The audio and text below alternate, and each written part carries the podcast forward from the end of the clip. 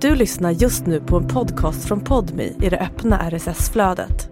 För att få tillgång till Podmis alla premiumpoddar helt utan reklam, prova Podmi Premium kostnadsfritt. Ladda ner appen i App Store eller Google Play.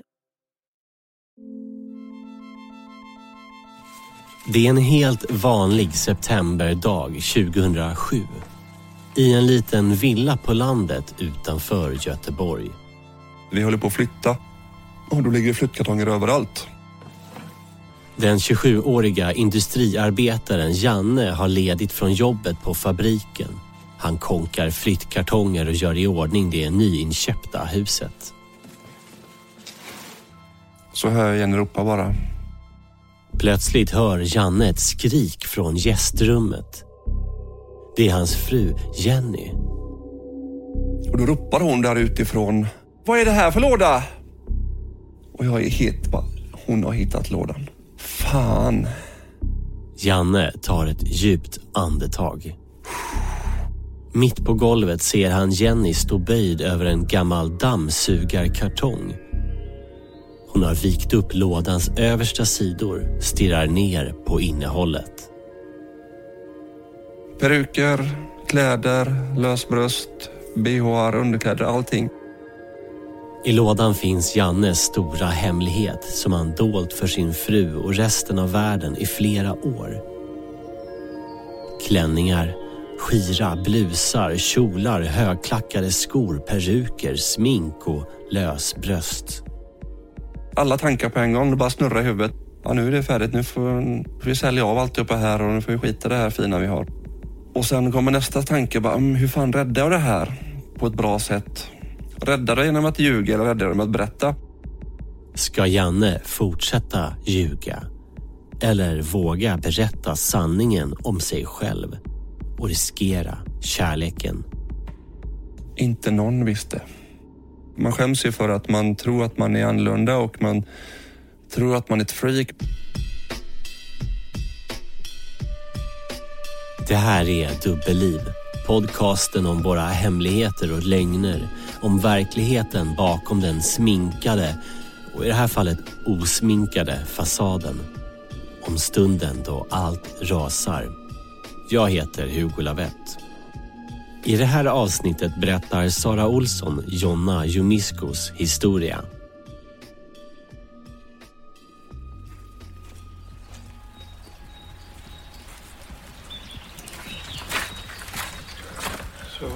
Bygga lite garage här. Wow. Våren 2022. Det regnar. All ledig tid går till garage eller bilar. Jonna visar runt i hennes nybyggda garage på landet utanför Göteborg.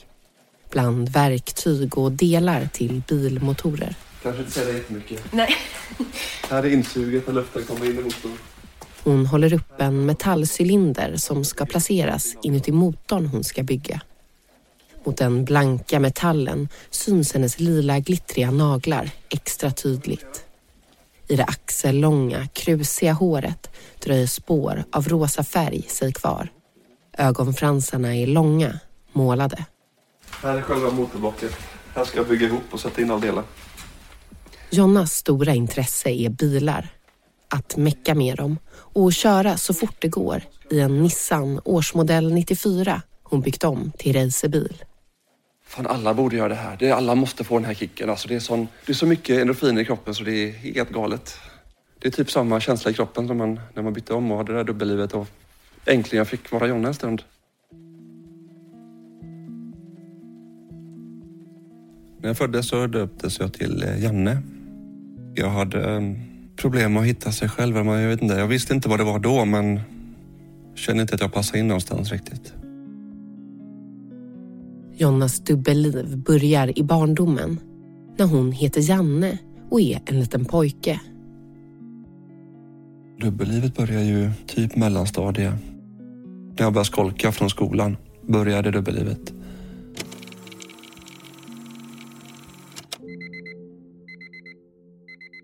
Måndag morgon. Året är 1990. Klockan sju ringer väckarklockan i ett sovrum utanför Göteborg. Vaknar och bestämmer för att nej, idag orkar jag inte gå till skolan, jag vill vara hemma. Tioåriga Janne ligger i sängen och känner efter. Har han inte lite ont i halsen ändå? Eller är det magen? Hittar på en ursäkt till mamma som är stressad till jobbet och bara, mm, när jag har ont i magen eller trött eller vad som helst bara för att slippa gå till skolan. Ja, men var hemma då. Så ringde hon till skolan och sjukanmälde mig och så åkte alla till jobbet. Så var man ensam hemma. När bilarna kört ut från uppfarten smyger Janne in i föräldrarnas sovrum. Kastar en nervös blick över axeln. Öppnar försiktigt dörren till en liten walk-in closet där mamma förvarar sina kläder. Klänningar och lite blusar och kjolar och allt möjligt. Han drar med handen över de mjuka tygerna. Vad ska jag prova idag? Stannar vid favoritplagget. En svart klänning i glansigt material. Typ någon polyestersidenklänning på något sätt som var på favoriten. För det kändes så lent mot huden. Janne lossar plagget från galgen. Stoppar in armar, huvud. Det tunna mjuka tyget faller över kroppen. Och så kände jag bara typ ett lyckorus i hela kroppen när man bara, fan det här, det här är, det här är min grej. Det blev sån skön pirrkänsla i hela kroppen var det. Man blev nästan hög av det. Nästa station, badrummet, sminkskåpet. Och kladdar på färg och tvättar av och lägger på nytt och tvättar av och lägger på nytt. Sen när man ser det i spegeln bara, jävlar vad fint. Ja, jag ser ju hur jag känner att jag vill vara. Jag ser en tjej i spegeln. Och sen när klockan börjar närma sig var samma gång varje jävla panik och bara ska de upptäcka att jag har lånat kläder den här gången med och så det blir från att ha den här extrema euforin till att få den här panikkänslan att snart kommer alla hem. Shit, tillbaka med kläderna, lägga snyggt och snygga till garderoben, tillbaka med skorna. Tvätta av smink, inte lämna kvar något rester och... Varför var du så rädd att bli påkommen? Ja, men, skämmigt. Skämdes som fan för att jag trodde att jag var ett freak eller jag var onormal eller...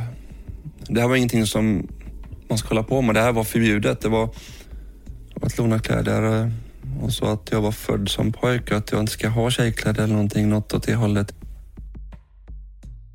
Det är bara när Janne skolkar från skolan och ingen annan är hemma som han vågar byta om. För familjen och i skolan inför klasskompisarna döljer Janne vem han egentligen vill vara. Men när man levde ute i det vanliga livet så skulle man vara kille. För att man född sån. Det, det är så det är. Punkt.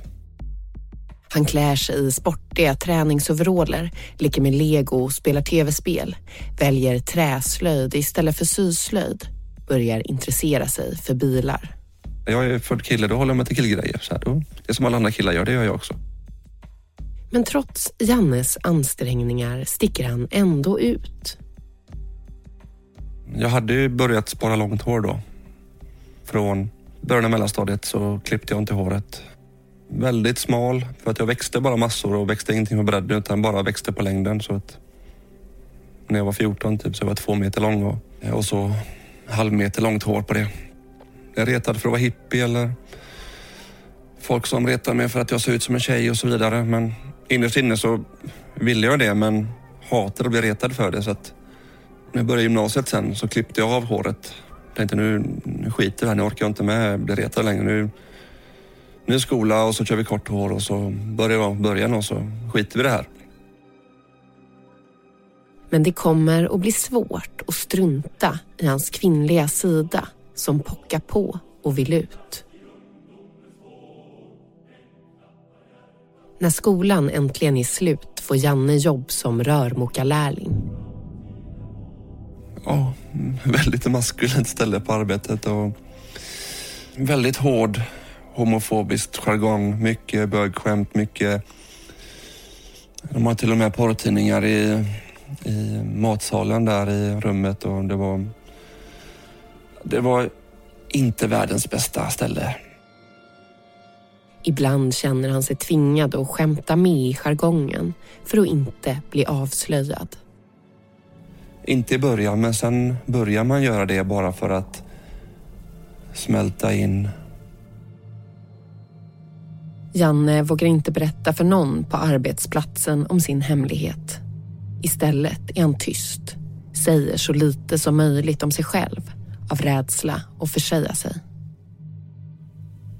Alltså man kunde inte, så fort någon pratade om någonting som hade med något sex eller med något, någonting med flickvänner eller pojkvänner att göra så och så ställde de frågan till mig och så var jag bara tyst och skämdes så in i helvete för jag vågade inte ens säga ett pip för att råkar man säga A så måste man säga B och C och D och E. Då är det bättre att inte säga någonting alls och bara flyta med och prata så lite som möjligt. Och vad var de här förbjudna tankarna liksom, som, du, som du var rädd att försäga mm. dig om? Att man lånade mammas kläder eller att man både gillar pojkar och tjejer. Och killar pratar om tjejer och tjejer pratar om killar, inte något annat. Det, var, det fanns inte. Då är man ju bög om man gillar killar. Det går inte. Inför andra är Janne lugn och tyst, framstår som blyg och tillbakadragen. Men inuti är det kaos. En ständig brottningsmatch mellan sina två jag. Vem är han egentligen? Vad är han? Man gick ju grubbla på det här hela tiden. Att för i början så kände jag att nu finns det ett ord som heter transvestit. Det betyder bara att man gillar själva kläduttrycket, själva utseendet av kvinnosidan. Men det var bara gamla som höll på med det. Men jag, jag tänkte ett tag att jag kanske är transvestit, jag vet inte. Men jag kände ändå att det inte riktigt passade mig. När jag sminkade då mig i spegeln och såg mig själv. Men till slut så räckte ju inte det så att och då började tidiga internet där och då upptäckte man att man inte är ensam. När internet kommer öppnas en ny värld. Janne skapar ett alias som tjej på flera forum. Kallar sig Prinsess Iso. På kvällar och nätter sitter han uppe och chattar med killar.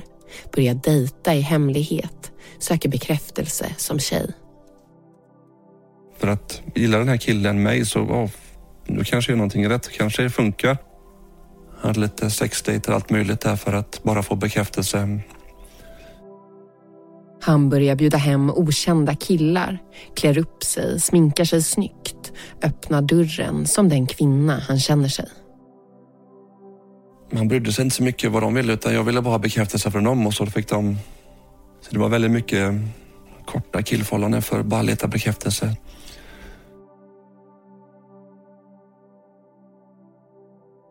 Janne byter jobbet som rörmokare mot en lärlingsplats som instrumenttekniker på en fabrik. Att tjäna egna pengar innebär frihet. När Janne är 23 flyttar han hemifrån till en egen lägenhet, en fristad. Jag förstod inte varför jag inte köpte lägenhet tidigare. För när jag köpte lägenhet så var det en sån extrem befrielse att kunna vara sig själv hela tiden när man är hemma. Man bara in dörren vid jobbet och så bara stängde dörren, låste och så bara bytte om. Och bara kunde vara. Det enda man får beredd på det är om någon kommer knacka på. Man får typ...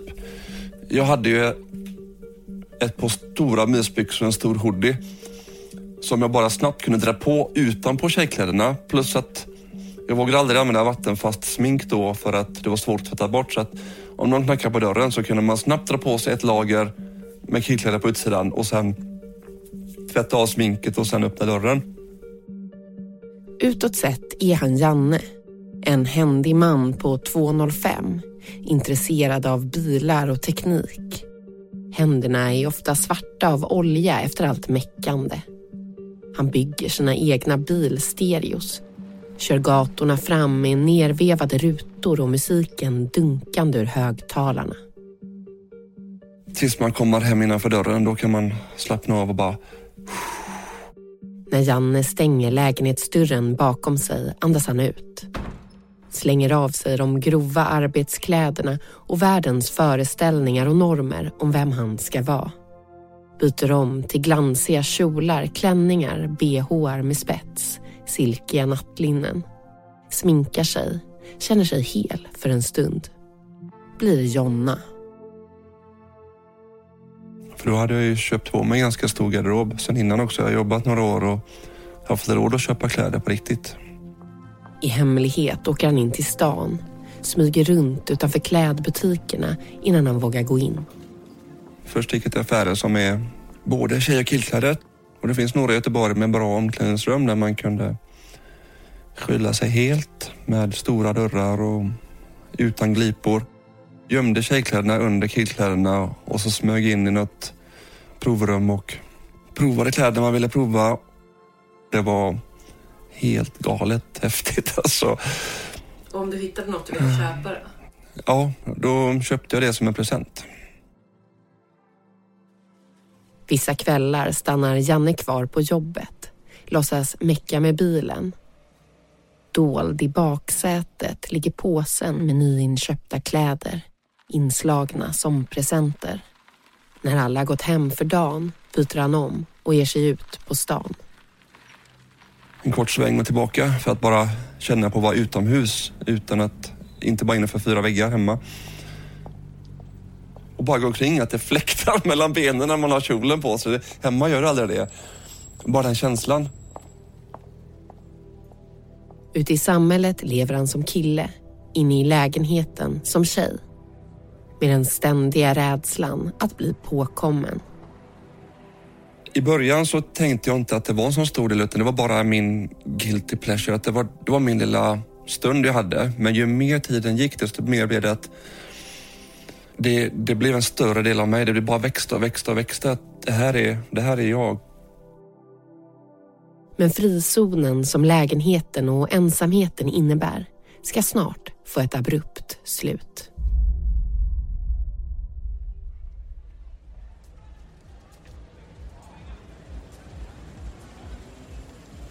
Vi träffades på en gemensam kompis förlovningsfest. En kväll är Janne på fest inne i stan. Han var snygg och fin och ja, han var en sån kille jag ville ha. På festen finns också Jenny. Det var ögonen och håret och kroppen och ja, en snygg kille helt enkelt. Jenny är kort med långt brunt hår. Hon är glad och framåt. Och hon döljer inte att hon spanar in den två meter långa blonda mannen som presenterar sig som Janne. Jag hade ju ingen plan på att träffa en tjej då. Jag dejtar fortfarande killar för att få bekräftelse. Men då kommer Jenny som hon bara tar med mig storm och vi båda fattar tycker nästan direkt där på festen. Vi är lite trevande på festen. Vi håller på som man gör när man ser någon man gillar på en fest. Bara småflörta lite och gå fram och prata lite och så här. Och... Janne kikar i smyg på Jenny hela kvällen. Rör sig långsamt, närmre och närmre. Till slut så, på slutet av kvällen så sitter vi där i en soffa och hånglar lite och... Så blev det klick direkt. Efter kvällen i soffan på förlovningsfesten inne i stan blir Janne och Jenny ett par. Ja, det var kärlek var det. Jenny är fartfylld och rolig, säger alltid rakt ut vad hon tycker och tänker, till skillnad från Janne.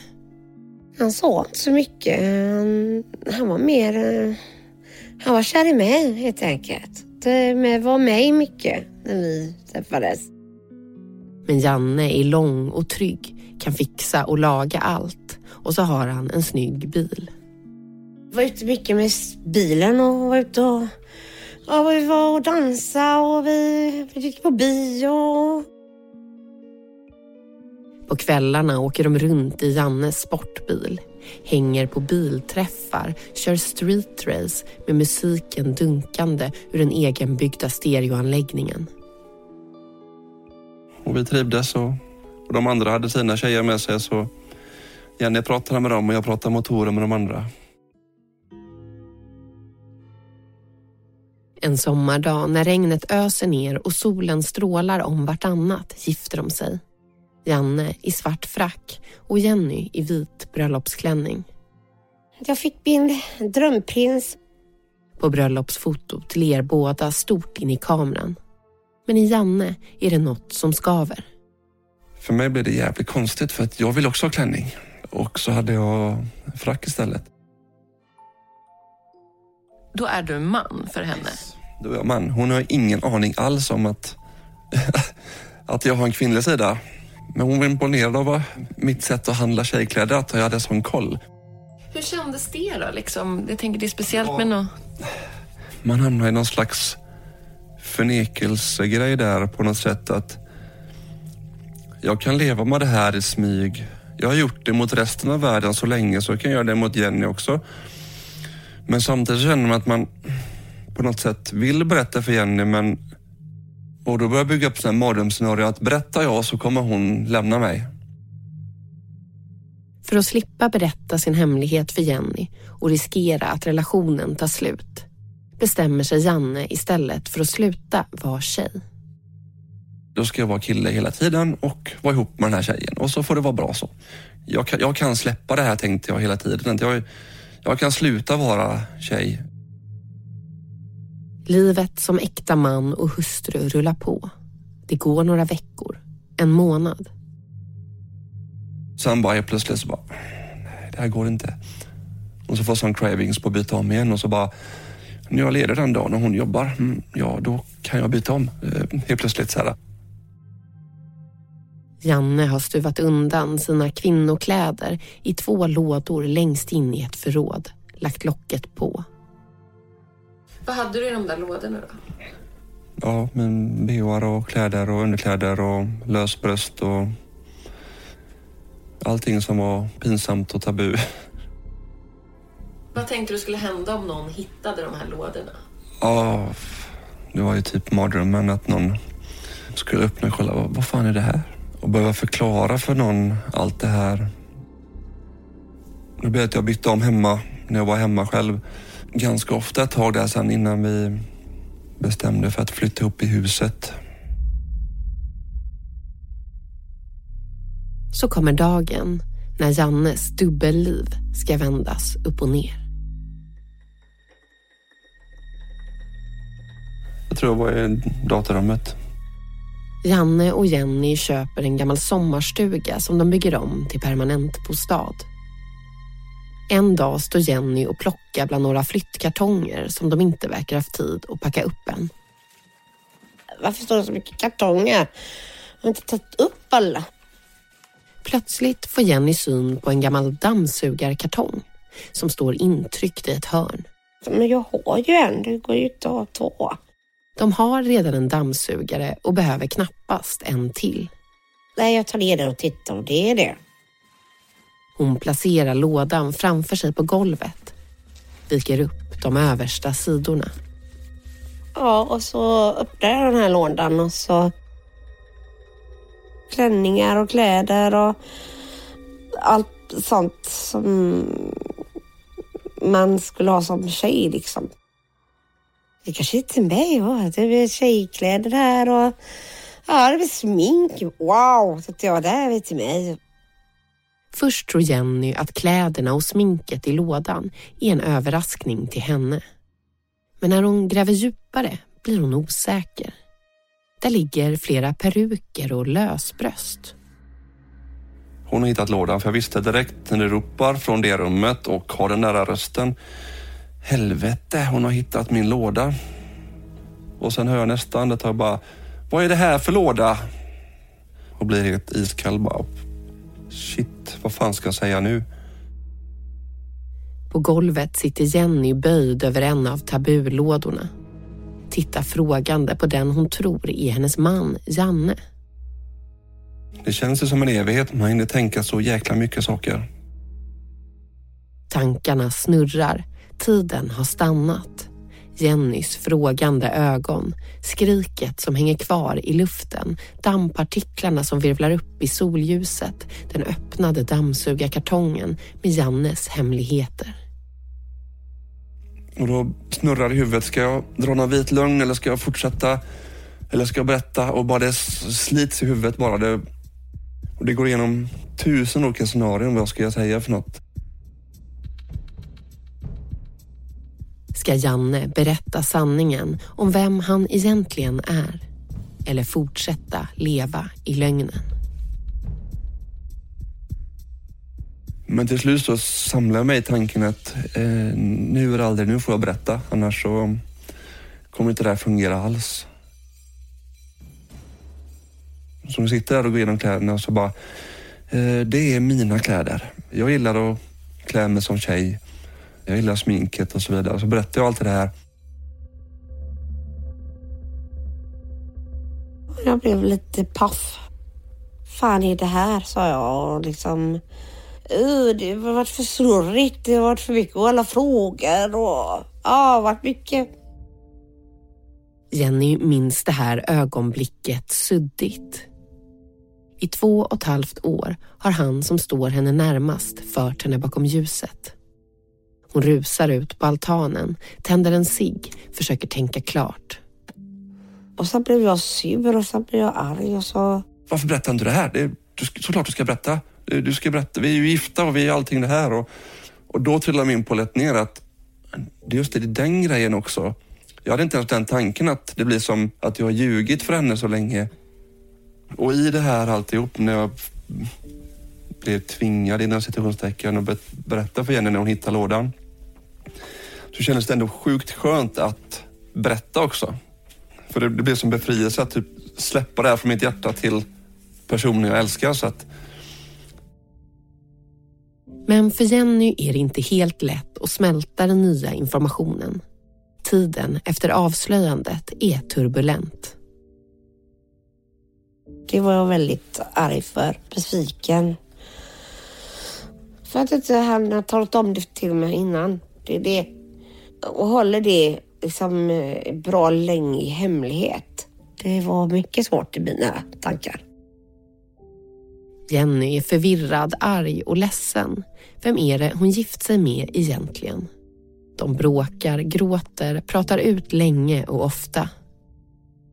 Jag har försökt att förstå att ja, det är ju hans liv egentligen. Och långsamt börjar en ny idé ta form. då började jag känna att fan, det här kan nog fungera ändå. Att jag kan ha det här, jag kan ha dubbellivet tillsammans med Jenny. Så det är fortfarande ett dubbelliv fast jag kunde komma hem och så kunde vi ha tjejkvällar tillsammans. Sitta och kolla på film och så sminka upp oss, göra oss fina, sitta och kolla på film och äta någon middag tillsammans. Ha lite tjejkväll. Och visa henne lite sminktips och såna här grejer för eh, hon har aldrig varit den som sminkar jättemycket utan hon bara men jag har ju övat massor så att jag kan, så kan jag lära henne att sminka lite och så vidare. Så att det blev ett ganska bra läge även om det var Botox Cosmetic, out of botulinum toxin A, FDA approved for over 20 years. So, talk to your specialist to see if Botox Cosmetic is right for you. For full prescribing information, including boxed warning, visit BotoxCosmetic.com or call 877-351-0300. Remember to ask for Botox Cosmetic by name. To see for yourself and learn more, visit BotoxCosmetic.com. That's BotoxCosmetic.com. turbulent och jobbigt. Dubbellivet antar en ny dimension. Fortfarande bakom lyckta dörrar, men med Jenny i bilden. På morgnarna tar Janne på sig arbetskläderna, tar bilen till jobbet på en kemifabrik. Där är han processoperatören som överser maskiner hela dagarna och kör racerbil på fritiden. Två miljöer som känns omöjliga att dyka upp som kvinna i. Vad skulle kollegorna och vännerna tänka? Det är ju en slags skamkänsla. Man vill ju inte bli påkommen och det är ju skämmigt som satan och man skäms ju för att man tror att man är annorlunda och man tror att man är ett freak. Man tror att folk ska kollas ner på en för att man, eller att man är sämre värd eller mindre värd för att man har ett könsuttryck som inte stämmer överens med det som man är född som. Hemma låser Jenny och Janne dörren, drar ner persiennerna, har tjejkvällar, klär upp sig, lånar varandras smink, flätar håret, äter gott, ser på film. Det tyckte det kändes jättebra för mig. Jenny tycker att upplägget är okej så länge ingen annan ser. Tillsammans upprätthåller de fasaden av att allt är som vanligt. Vi hade några år där, där jag bara var tjej hemma. Och då var det ganska lugnt här ett tag i, i mitt lilla dubbelliv där. Tills att i mitt huvud började bli lite jobbigt att leva det här dubblet. Att det blev så kaos i mitt huvud av att hemma kunde man vara fri och vara precis som man vill utan att någon ska utan att Jenny dömer mig eller någonting. Jag kan komma hem och så dra på en klänning eller någonting bara för att, åh, oh, gött att bara kunna vara sig själv. Och det var inga problem med det, men sen varje gång man skulle gå utanför dörren, jaha, då får jag ta på den här tråkiga kläderna igen. Så att det blev väldigt slitsamt på något sätt för psyket. Men dubbellivet börjar tära. Till slut så mådde jag så dåligt av det här dubbellivet att jag tänkte att jag, jag orkar inte med det här. Jag måste få hjälp. Det här, det här går inte. Jag orkar inte hålla på och leva två liv. Han söker hjälp på en mottagning som tar emot patienter med könsdysfori. När ens upplevda kön inte stämmer överens med det man är född i. Efter två års väntetid får han prata med en psykolog. För första gången börjar reda ut vad det är han vill. Då börjar tanken växa om att man kan man göra det här hela tiden och slippa hålla på och vara dubbelt och låtsas vara någon annan när alla andra ser på. Janne bestämmer sig för att ta steget fullt ut och vara kvinna på heltid. Att vara Jonna. Ha lilla Janne blir en Jonna istället, ja. Nu kommer nästa chock för Jenny. Och då kommer mina tankar att jag vill liksom vara med min Janne. Så jag har varit väldigt så här, hur ska folket ta det? Det är ju det jag var rädd för. Då var jag nervös när vi skulle gå ut och så här nu första gångerna. Ja, hur ska folket ta det? Det är Jonna också orolig för. Eller orolig är bara förnamnet. Hon är livrädd. Om jag ska leva med det här på heltid så måste jag börja berätta någonstans. Jonna bestämmer sig för att börja på arbetsplatsen. Kemifabriken, där alla känner henne som den pålitliga, rediga Janne. Inför nästa medarbetarsamtal med chefen samlar hon allt sitt mod. Så kom den här dagen med mötet och jag bara vill dö. Nej, jag skiter i det här nu. Jag skiter i det här. Nej, till slut så bara växte det bara. Nu måste jag berätta, typ så här. Nu måste jag berätta. Jag är transperson och ja, bla bla bla. Så. Och det var så jäkla skönt att bara berätta det. Och bara för någon utanför familjen första gången. Det var första utanför. Eh, han reagerade nyfiket och bra. Och bara, att det var fint att jag berättade och stöttade mig helt och hållet i allt det här. Vi, vi pratade i två timmar efteråt om allting. Efter mötet är hon Jonna på jobbet varje dag. Och natten innan hon ska fylla 40 bestämmer hon sig för att komma ut för hela världen. Hon sätter sig framför datorn, går in på Facebook, laddar upp ett foto där hon är iklädd blåblommig klänning, rosa hår, sträcker armarna mot himlen och snuddar vid regnbågen. Hon skriver. Det här är jag. Jag är trans, transkvinna. Jag har känt att jag inte är kille sen jag var liten, men inte riktigt vetat vad jag är och inte vågat säga någonting förrän nu. Tolvslaget skickar meddelandet. Nervös och in i helvete gick och la mig. Tänkte att i bästa scenario så kanske jag har tio gilla och så är det någon som har kommenterat någonting. Typ så här, det brukar vara det. Och bästa scenario är någon som hånskrattar och tycker jag är dum i huvudet. Ja, det får det vara. Uh, nu är det allt eller inget. Nu är det bara att köra. Vaknar dagen efter. Ett par hundra gilla och så typ ett par hundra kommentarer på bara kärlek. Jag bryter upp och gråter bara. Det jag gör nu med. Så jäkla fint.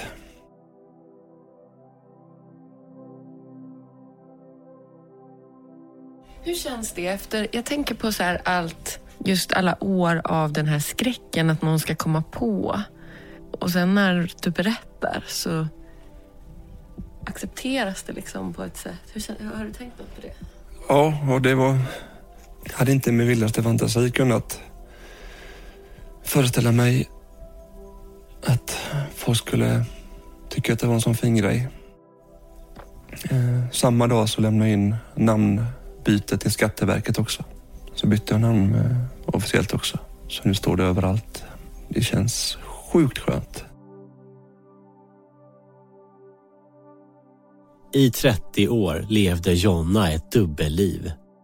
Nu kan hon äntligen vara den hon vill. Jag har blivit mer öppen och mycket mer pratsam överlag för att nu vågar jag prata för att nu är Jonna helt öppen utåt så att nu behöver man inte hålla på och gömma sig. Jag är ju samma person men med ett annat uttryck för nu vågar jag visa vem jag är på riktigt. Jennys drömprins har blivit en prinsessa. Nu har jag liksom insett att vi är ett par och jag får försöka lära mig. Han är samma människa. Vi älskar varandra, så är det. Idag blir Jonna accepterad för den hon är. Behöver inte vara tyst längre, inte gömma sig mer. Det är ju en så stor del av mig som varit gömd i så många år som man får, man kan plocka fram nu på något sätt och visa världen att här är jag. Det andra är också en japansk sportbil. Det här är ju Nissan 206 från 94. Och det är Nissan Skyline från 91. Jonna har lämnat garaget, gått ut i regnet för att visa sitt senaste värv. En svartlackad bil av japanskt märke. Den är ganska sliten i lack och såna grejer men det ska ju fixas. Den är Jonnas nästa projekt. I sommar ska hon och Jenny cruisa och köpa glass. Ja. Men först måste motorn byta och lacken målas om. Och ny lack på bilen. Ska du behålla den svart? Eh, Oklart. Jag är lite sugen på chockrosa men ja, det blir nog rosa. Jag är jäkligt sugen på det.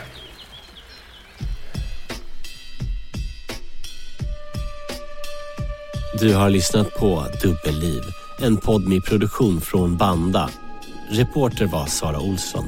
Jag heter Hugo Lavett. Producent är Lovisa Lam Nordenskjöld. Slutmix Axel Rickert Berkemar. Exekutiv producent på Podmi är Sofia Neves.